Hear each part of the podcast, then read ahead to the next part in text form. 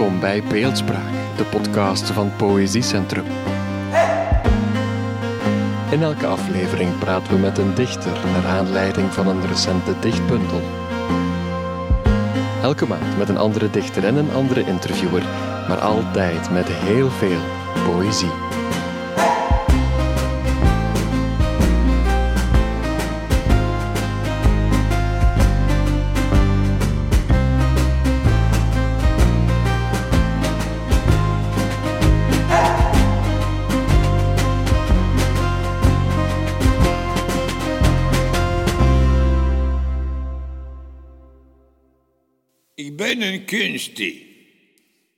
Ik ben een kunstnachtie. Ik ben een kunstnachtie. Dat is niet mijn fout. Waarom ik ben een babywereld. Ik heb niet voorzacht. Ik weet niet. Dat is niet mijn fout. Ik niet voor. Ik ben een artiest. Morgen, ik weet niet. Nu ik rook in mijn sigaret. Ik drink mijn koffie. Ik heb niet vraag waarom ik ben een babywereld. Ik neem mijn koffie. Dat is wat ik weet. Misschien ik weet het niet. Ik heb mijn oostboeboem.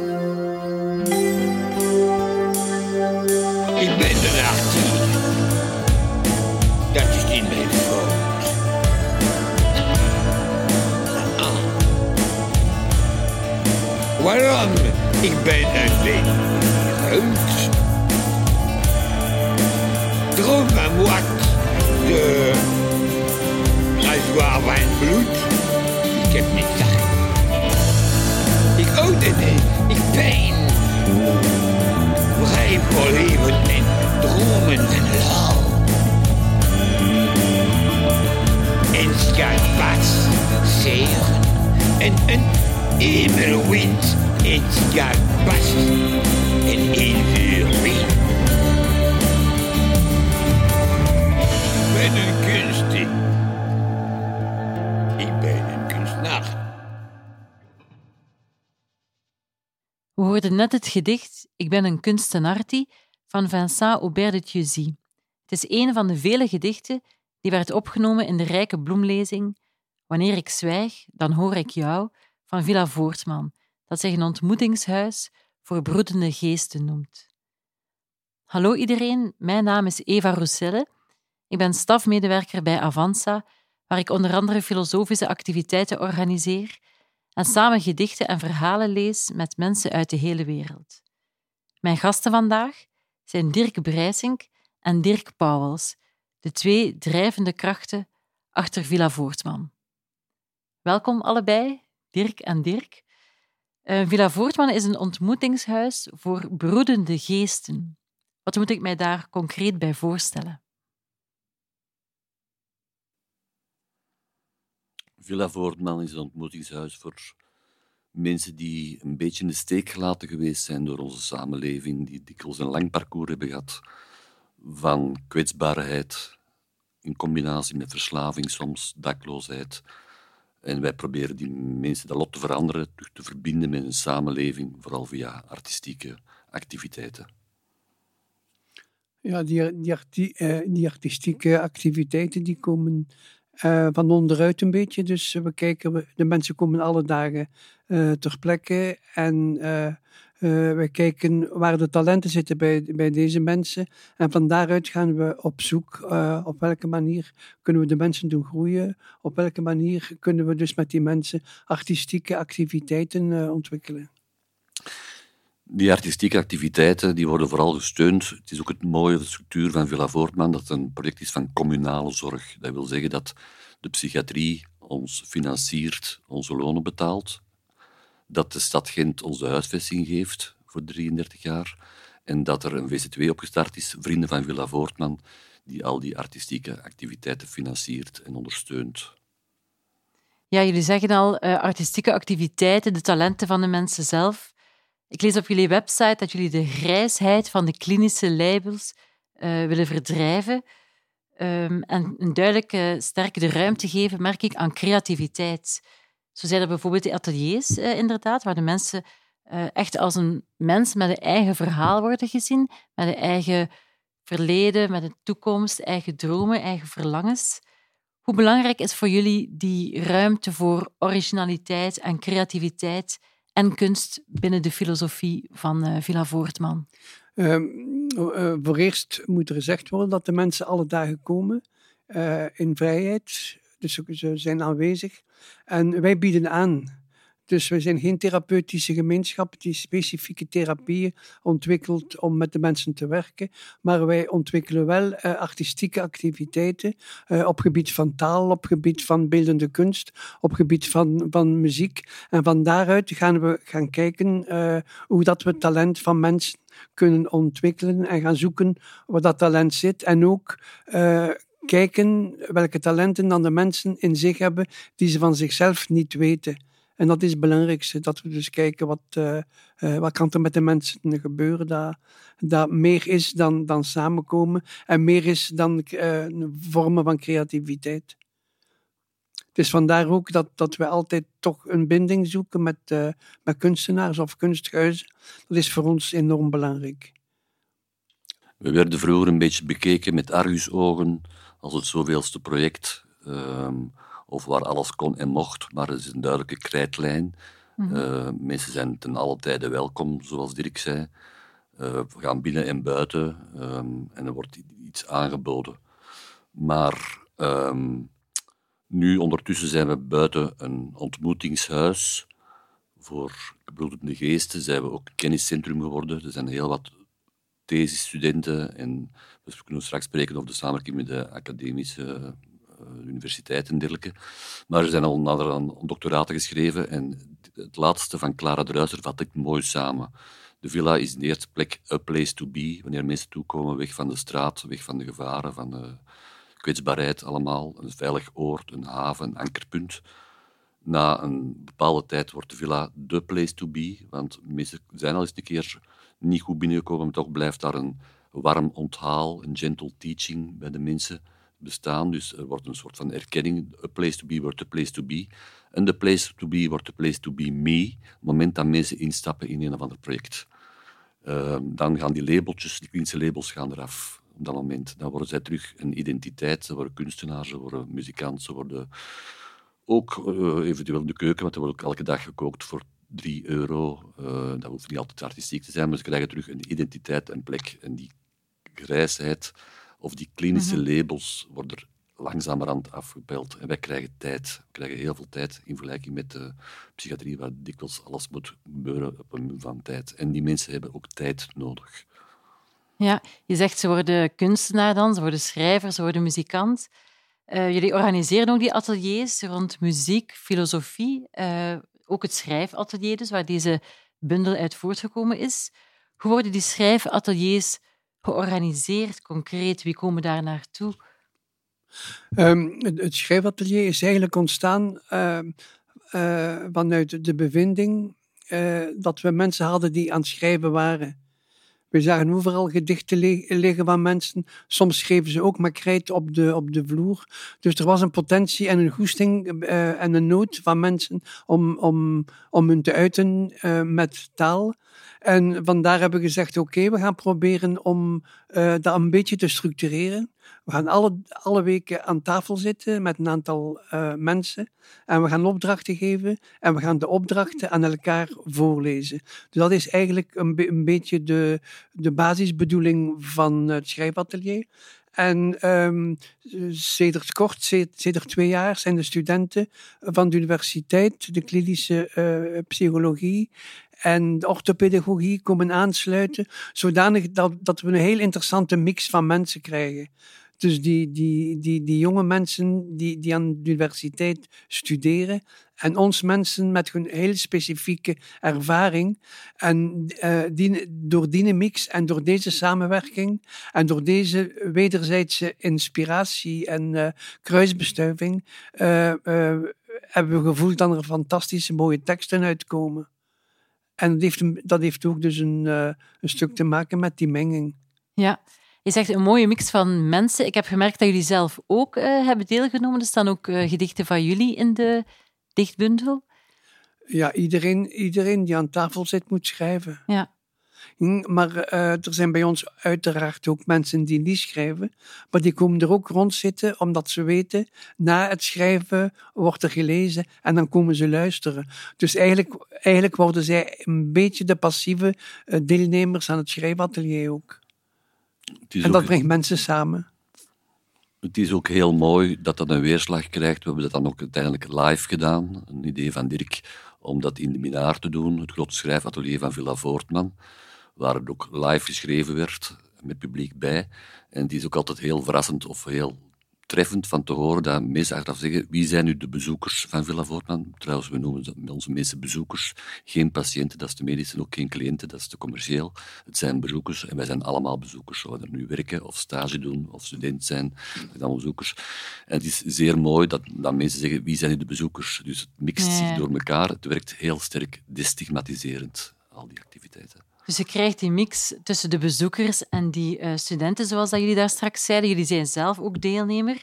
Uh, jullie hebben ook die ateliers op verplaatsing, zoals je net vertelde, in de Minaar. Is er ook nog crossover met de andere ateliers binnen Villa Voortman, met de muzikanten bijvoorbeeld, uh, met de absoluut, filosofen? Absoluut. Ja. Ehm, het heet Van de Naald nu, kan ik jullie al uitnodigen op 15 december in de Handelsbeurs te Gent, waar wij een LP naar buiten, een dubbel LP naar buiten brengen, waar we eigenlijk heel wat van onze gedichten hebben op muziek gezet. Door bezoekers, door uh, personeel. Jean-Paul de Brabander is daar de drijvende kracht van het muziekatelier en dat heeft een fantastische, zal een fantastisch product worden. Uh, ja, kijk iedereen welkom. Ik heb gehoord dat het al bijna uitverkocht is en dat er misschien al in april in de Minaar een, uh, een nieuwe kans komt. Heel graag. Ja, mooi. En ook daar maken jullie dan die mix en die, het, het, ja, de handen naar buiten slaan, eigenlijk naar de samenleving, door die ook weer te tonen aan zoveel mensen buiten de muren van de villa. Hè? Ja, dat, dat, uh, het stroomt samen. Hè. De, dus de, de mhm. mensen die in het muziekatelier werken en de mensen die in het schrijfatelier werken, die dingen, die, die, uh, uh, er, er, zit daar geen lijn op hoe dat je dat doet, maar die, die lopen samen. Die, die, dat komt samen tot een nieuwe vorm van, van, van werk. En dus uh, met de muziek bij, die, die uh, voelt je ook dat, dat, dat de tekst die de mensen schrijven een, uh, veel sterker wordt, een, een heel specifieke waarde kent. Ja, je krijgt een extra gelaagdheid. Ja, ja, absoluut. Ja. Er komt nog een derde pijler bij, ook met het beeldend atelier, waar mensen schilderijen maken bijvoorbeeld, waar er associaties bij de schilderij geschreven worden en dan muziek ondergezet. Ja, dat viel mij ook op in de bundel, dat daar uh, originele schrijfopdrachten in staan. Eentje daarvan was onder andere schrijf een tekst bij een schilderij. Er stonden nog uh, originele opdrachten in, zoals bijvoorbeeld de doorgeefdialogen, waarbij iemand een zin neerschrijft op een blad en vervolgens het blad doorgeeft, waarbij iemand anders dan de volgende zin schrijft. Uh, er wordt ook letterlijk samengeschreven in jullie ateliers. Of er wordt een titel gegeven of een eerste zin, zag ik. Uh, en de schrijvers gaan daar dan mee aan de slag. Ook bij muziek wordt er geschreven, of er, er staan ook elfjes in de bundel. Dat zijn gedichten van elf woorden. Viel mij ook op. Uh, brieven worden geschreven, nieuwe spreekwoorden worden bedacht. Een leuke vond bijvoorbeeld uh, zo onafhankelijk zijn als een kat die blaft. Wie staat er eigenlijk in voor al die creatieve schrijfopdrachten? Um, ja, um, voor een groot deel geef ik die soms mee, maar het is wel zo dat dat open is. Dat we dus met mensen rond tafel zitten en dan de mensen zelf uh, opdrachten kunnen geven. Ik zou een keer willen dat er daarover geschreven wordt. En we nodigen ook altijd uit. want het, het, het, punt is van, uh, uh, zoals je het zegt, is er een heel, een heel grote variatie mm -hmm. in het soort in het soort opdrachten die we aan de, aan de mensen geven. Uh, en dat geeft juist uh, de, de sterkte aan, aan, het, aan het geheel, omdat, omdat telkens vanuit ganz andere werelden komen. Hè. Als je bijvoorbeeld zegt, we gaan met ons mensen naar een museum. We hebben papier mee en, en, en schrijfgeef mee. En we vragen of we zeggen, je mocht meegaan naar het museum, maar tijdens het, bezoek aan het museum moet je schrijven. Dan krijg je dus een totaal andere tekst dan een tekst die je schrijft als je ehm, rond tafel zit. De boekhandel Limerick heeft ons ehm, eh, uitgenodigd om een project te doen in het Citadellenpark, waar dat op een veertiental eh, plekken mensen met een QR-code teksten kunnen horen op, een bank, op de banken eh, eh, eh, in het park. Hm, En dan hebben we de opdracht ook gegeven op voorhand. We schrijven over, over het park. Hm, En dan krijg je telkens nieuwe invalshoeken. En dat is wat dan we naar aan het zoeken zijn, omdat alle dagen, alle weken rond tafel zitten. Dat kan zeer snel eh, eh, clichéachtig worden en altijd hetzelfde. We zoeken dus ook altijd na- naar andere dingen. Door, het doorschrijfsysteem, eh, zoals je daar juist zei, dat zijn allemaal dingen eh, die we zoeken. We zijn nu ook in de toekomst aan het zoeken naar scenario's schrijven. Hoe schrijf je eh, Mhm. een scenario? Op welke manier ontstaat een scenario? Eh, kunnen we met een kleinere groep aan scenario werken. Dus we zijn er ook over aan het denken dat dat schrijfatelier geen, geen ding wordt die alle weken doorgaat, maar dat er alle weken iets gebeurt. Dat, dat, dat er alle weken iets nieuws ontstaat. Ja, en dat je ook buiten die muren van de villa ook weer breekt. Absoluut, ja. Ja. Je zegt van mensen hebben onszelf ook al verrast met eh, gekke opdrachten die ze zelf bedacht hebben. Het is geen eenrichtingsverkeer. De opdra- opdrachten komen soms ook vanuit hun eh, hoofd. eh. Kun je mij zo'n voorbeeld geven van zo'n eh originele, Gewoon gekke, niet bijzondere... Ik zou er echt Je moeten moet niet direct, maar het is ook bijvoorbeeld als we het live doen, dan vragen we ook aan het publiek om opdrachten te Ah, ja. geven. Waardoor het ook duidelijk wordt, het publiek, dit is geen voorafgesproken opdracht waar mensen... Dan dus wordt live geschreven en heel direct. Het, is een, eh, het was voor mij ook een eh, openbaring, want ik was niet echt een schrijver. Ik heb me daar ook bij gezet bij Dirk. En eh, ja, je moet jezelf durven blootgeven, associatief denken, ehm écrituur, automatiek bijna, eh, heel snel schrijven. En dat is verbazingwekkend. En als je dat doet, dan komen heel mooie dingen uit. Dan las ik in het voorwoord van eh, Emma Brijs dat er eh, niet te veel wordt nagedacht, dat er geschreven wordt en doorgeschreven. En zoals dat jij zegt, van dan, dan komt de creativiteit, dan komen er allerlei associatieve gedachten uit je pen. Nu remmingen loslaten, nu verdringingen loslaten. Er, er verdwijnt een stuk van, van eh, kwetsbaarheid. En we hebben dat vooral gevoeld in de, in de minaar. Dus de mensen zitten zoals ze naar theater kijken in de zaal. Eh, op het podium staan er tafeltjes. Aan die tafeltjes zitten ons mensen. Ze krijgen ter plekke opdrachten en ze schrijven. Dus eh, normaal gezien, als je dat aan normale mensen zou vragen om te doen, ik denk niet dat mensen dat zeer snel zouden doen. Maar voor ons mensen, die, die, die, die zijn dat zo gewoon om, om, om daarmee om te gaan. Om, om eh, eh, onmiddellijk die creativiteit te kunnen ontwikkelen in, in, eh, in hun hoofd. Want ze schrijven ongeveer een, een vier, vijf minuten. En op vier, vijf minuten die, die hebben ze een tekst. En meestal zijn het heel mooie teksten. Ook als ze dus in, in heel specifieke situaties geschreven worden. We luisteren nu naar Kunstenaars van Thierry Eno.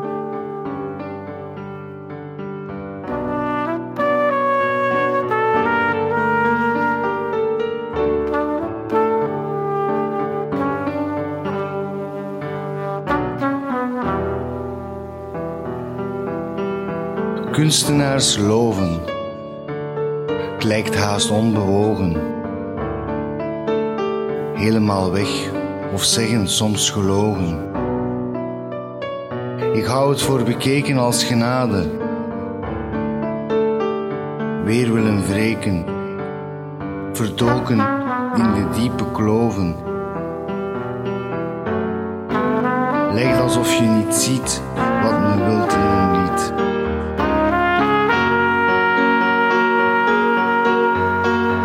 Tot in het minuscuulste detail vindt zelfs de gebrokene nog hoop achter zijn kacheltje uit in maaien.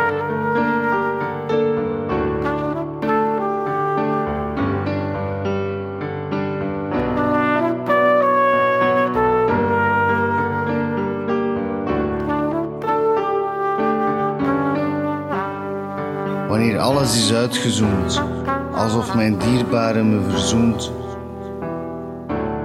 Echte kunstenaars loven. Nog onder, nog boven, van voor of achterstevoren. Al op leeftijd of pas geboren. Want kunst, eens gedeeld, gaat immers nooit verloren. Het zijn heel mooie teksten, uh, soms ook heel grappig, speels, uh, fantasierijk. Ook vrolijke nonsens worden geschreven. Dat zijn dan misschien die associatieve gedachten dan, Absoluut. die je daartoe brengen. Uh, een zin waar ik zelf heel blij van werd, was bijvoorbeeld deze. wanneer ik zing, probeer ik bij de doobie en de dubsdubs des levens te doen. Ik zelf een hele leuk die daarin stond. hoe belangrijk is humor en relativering eigenlijk in de villa? Uh, goh, dat, dat is een, ik vind dat een beetje een, een, een uh, uh, moeilijke vraag. Het, het, enige, het enige wat we willen vermijden is dat we niet de zoveelste uh, editie gaan doen van schrijft over uh, uzelf en mm -hmm. schrijft over uw eigen problematiek en schrijft over, over, over uw eigen gemoedsinstelling. Als je dat wilt, kunt je dat dus doen. Maar we zoeken echt naar andere dingen en we gaan inderdaad naar het, naar het absurde over, naar het abstracte over, naar de humor over. en, en het, ontstaat, het ontstaat spontaan. Het, het is heel merkwaardig. Uh, en soms is het heel dadaïstisch ook wat eruit komt. Uh, ja. Alles kan. Alles kan. Uh, over absurde opdrachten en absurde teksten gesproken. De bezoekers krijgen ook soms de opdracht in een doorgeefdialoog, een doorgeefdialoog te schrijven met een boom of een dialoog tussen een, een tak en een stam, of een dialoog uh, met een rots.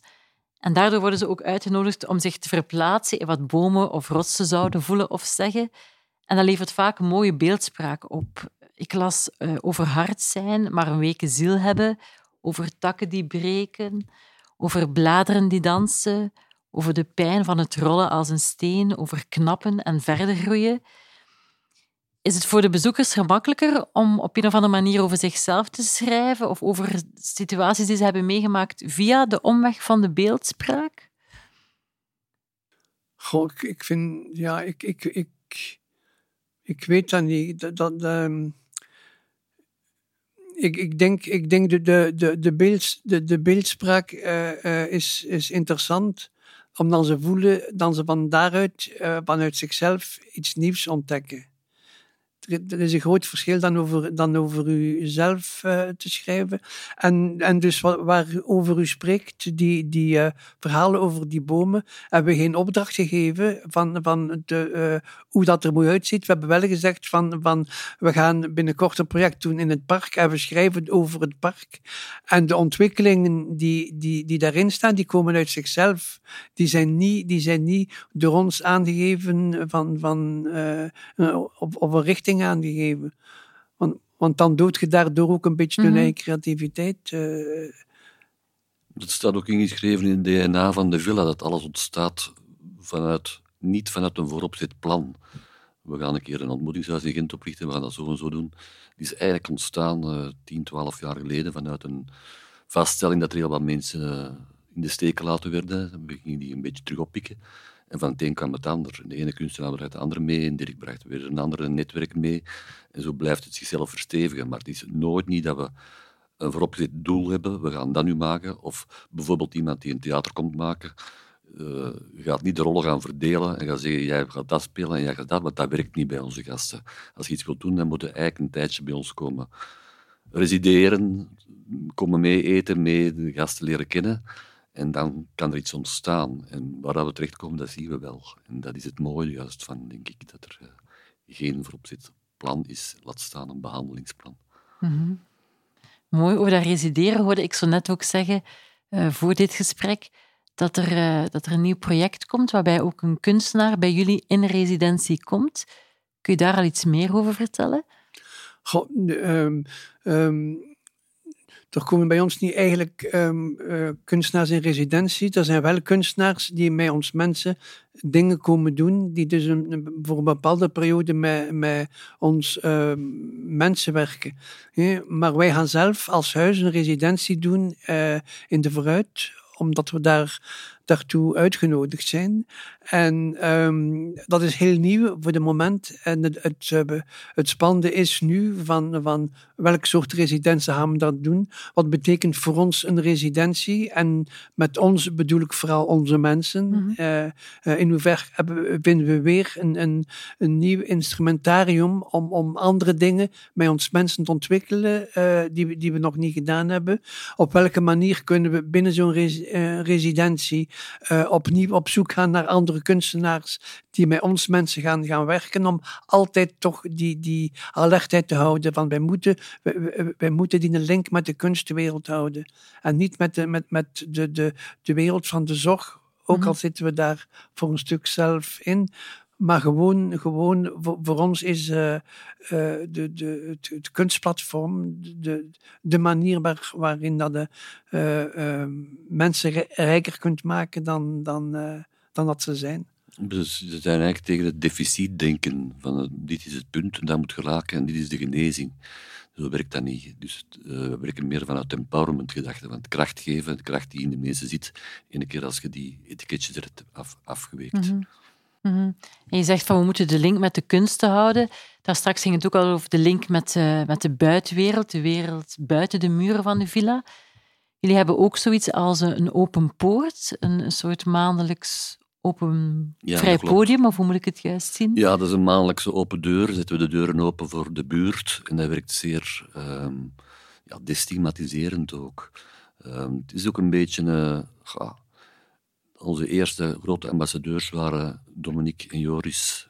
Joris Hessels en Dominique van Malderen van Radio ja, Gaga. Toen werden wij eigenlijk bekend uh, in heel Vlaanderen, want dat waren de eerste aflevering.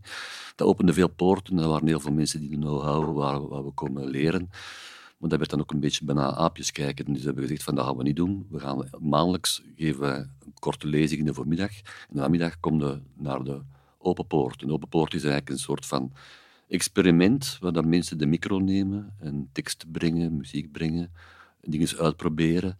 Uh, in de buurt waar ook Turkse mensen afkomen, er zijn ook al wat Roma's die komen meespelen. Het werkt zeer uh, versmeltend eigenlijk. En dan krijg je inderdaad ook weer de destigmatiseringen. Dat er stond zoveel jaren geleden op onze villa op een gegeven moment freaks geschilderd in een Arabisch scheldwoord, denk ik.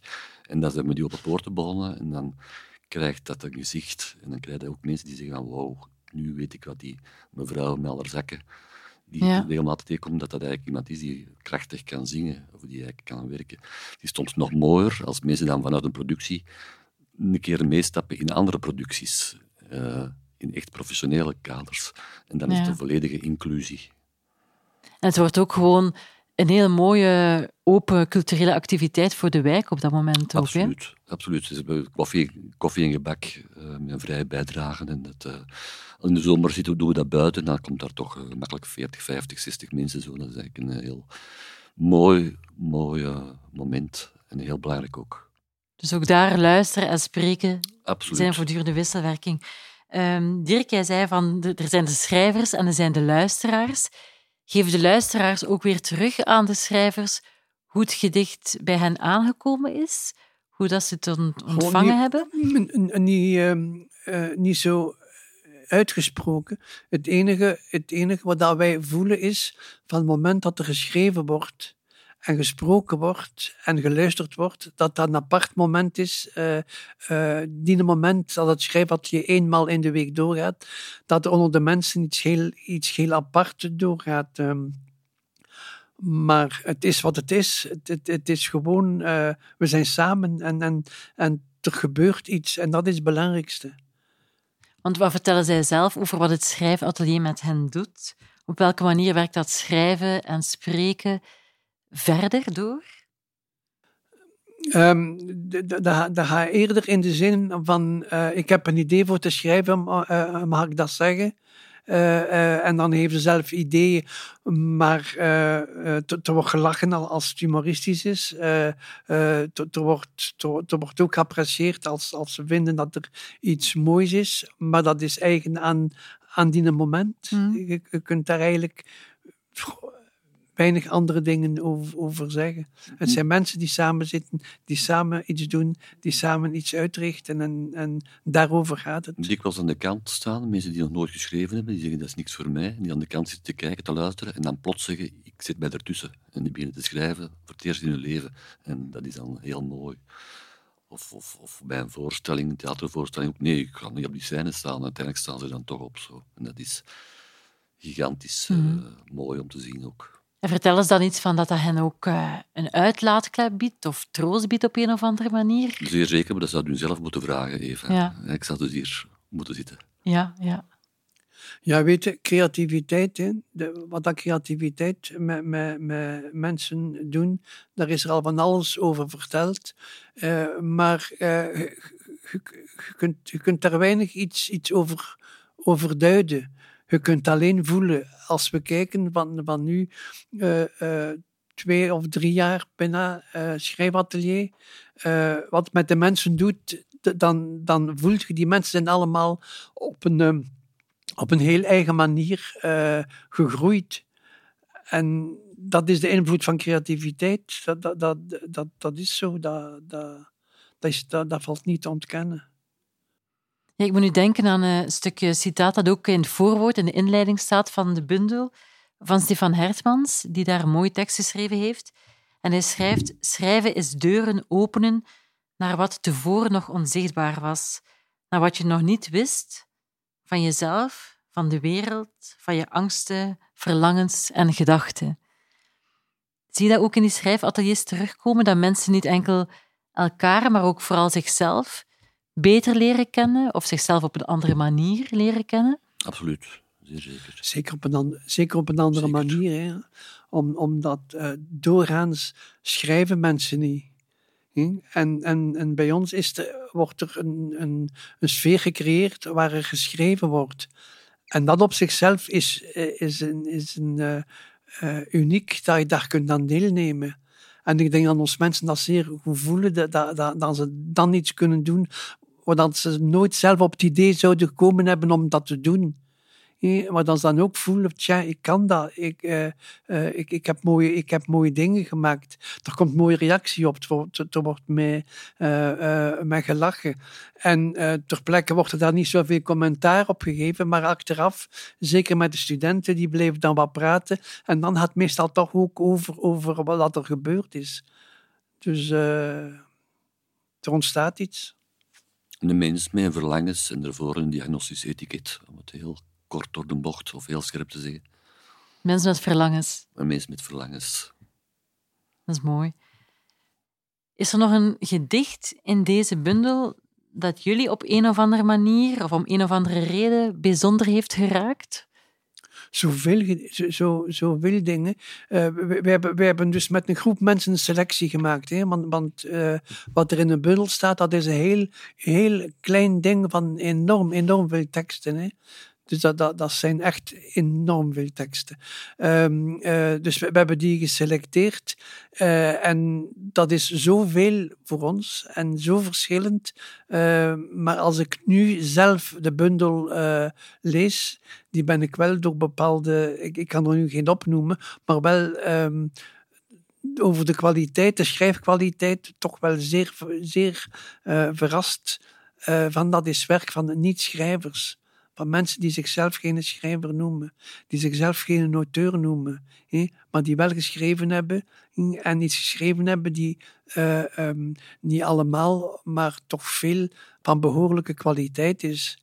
En dat is eh, dat is iets wat aan mij persoonlijk eh, altijd geëmotioneerd heeft al, al- als ik, als ik die, of emotioneert als ik die, die dingen nalees. Die zijn, die zijn vooral als je, dan, als je dan de mensen kent en je weet eh, eh, wat dat ze geschreven hebben, door wie dat ze zijn, en maakt dat nog, eh, is dat nog iets, een dimensie bij om, eh, om het fantastisch te vinden en mooi te vinden.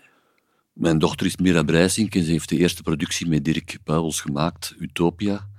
En ze zei van papa, die mensen die zijn zo authentiek, die hebben zo'n kracht in zich. Ehm, dat konden mijn mede-acteurs geweest zijn, maar ze zijn in een andere plek of een andere wieg geboren, ze hebben misschien dezelfde kansen gehad, maar, maar die kracht die daaruit gaat, dat is zo authentiek.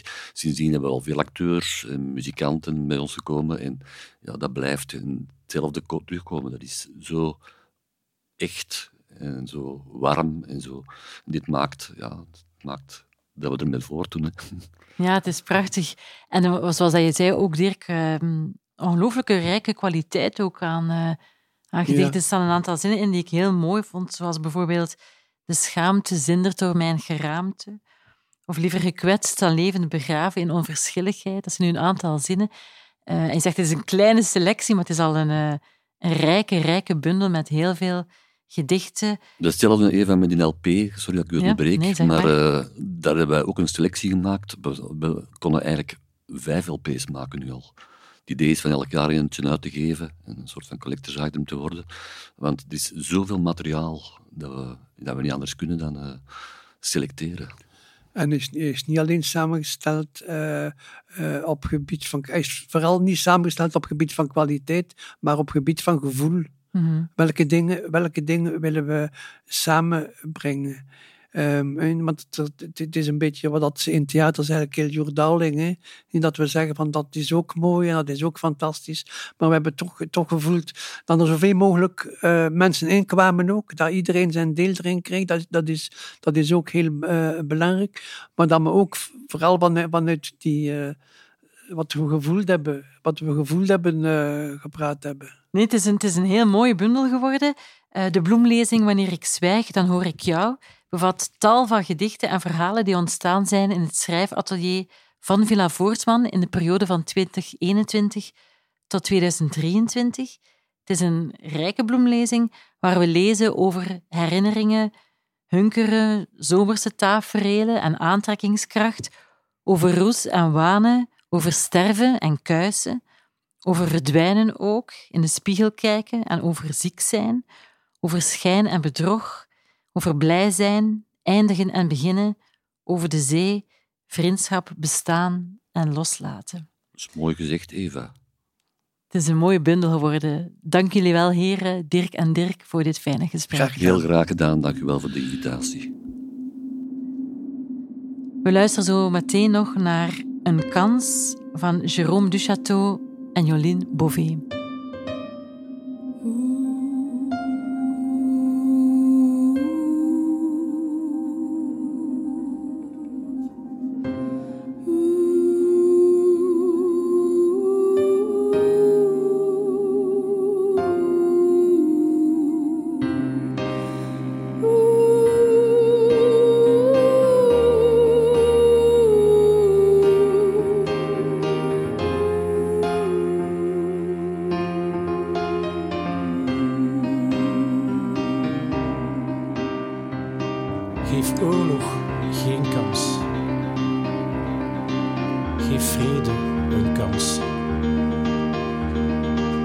Geef corruptie geen kans. Geef geld geen macht. Geef wapens geen nut. Geef ontwapenen een kans. Geef olie geen toekomst. Geef educatie een toekomst. Geef vrede een kans. Bezittingen geen waarde. Geef godsdienst geen macht. Geef vrijheid waarde. Geef olie geen waarde. Geef wapens geen waarde.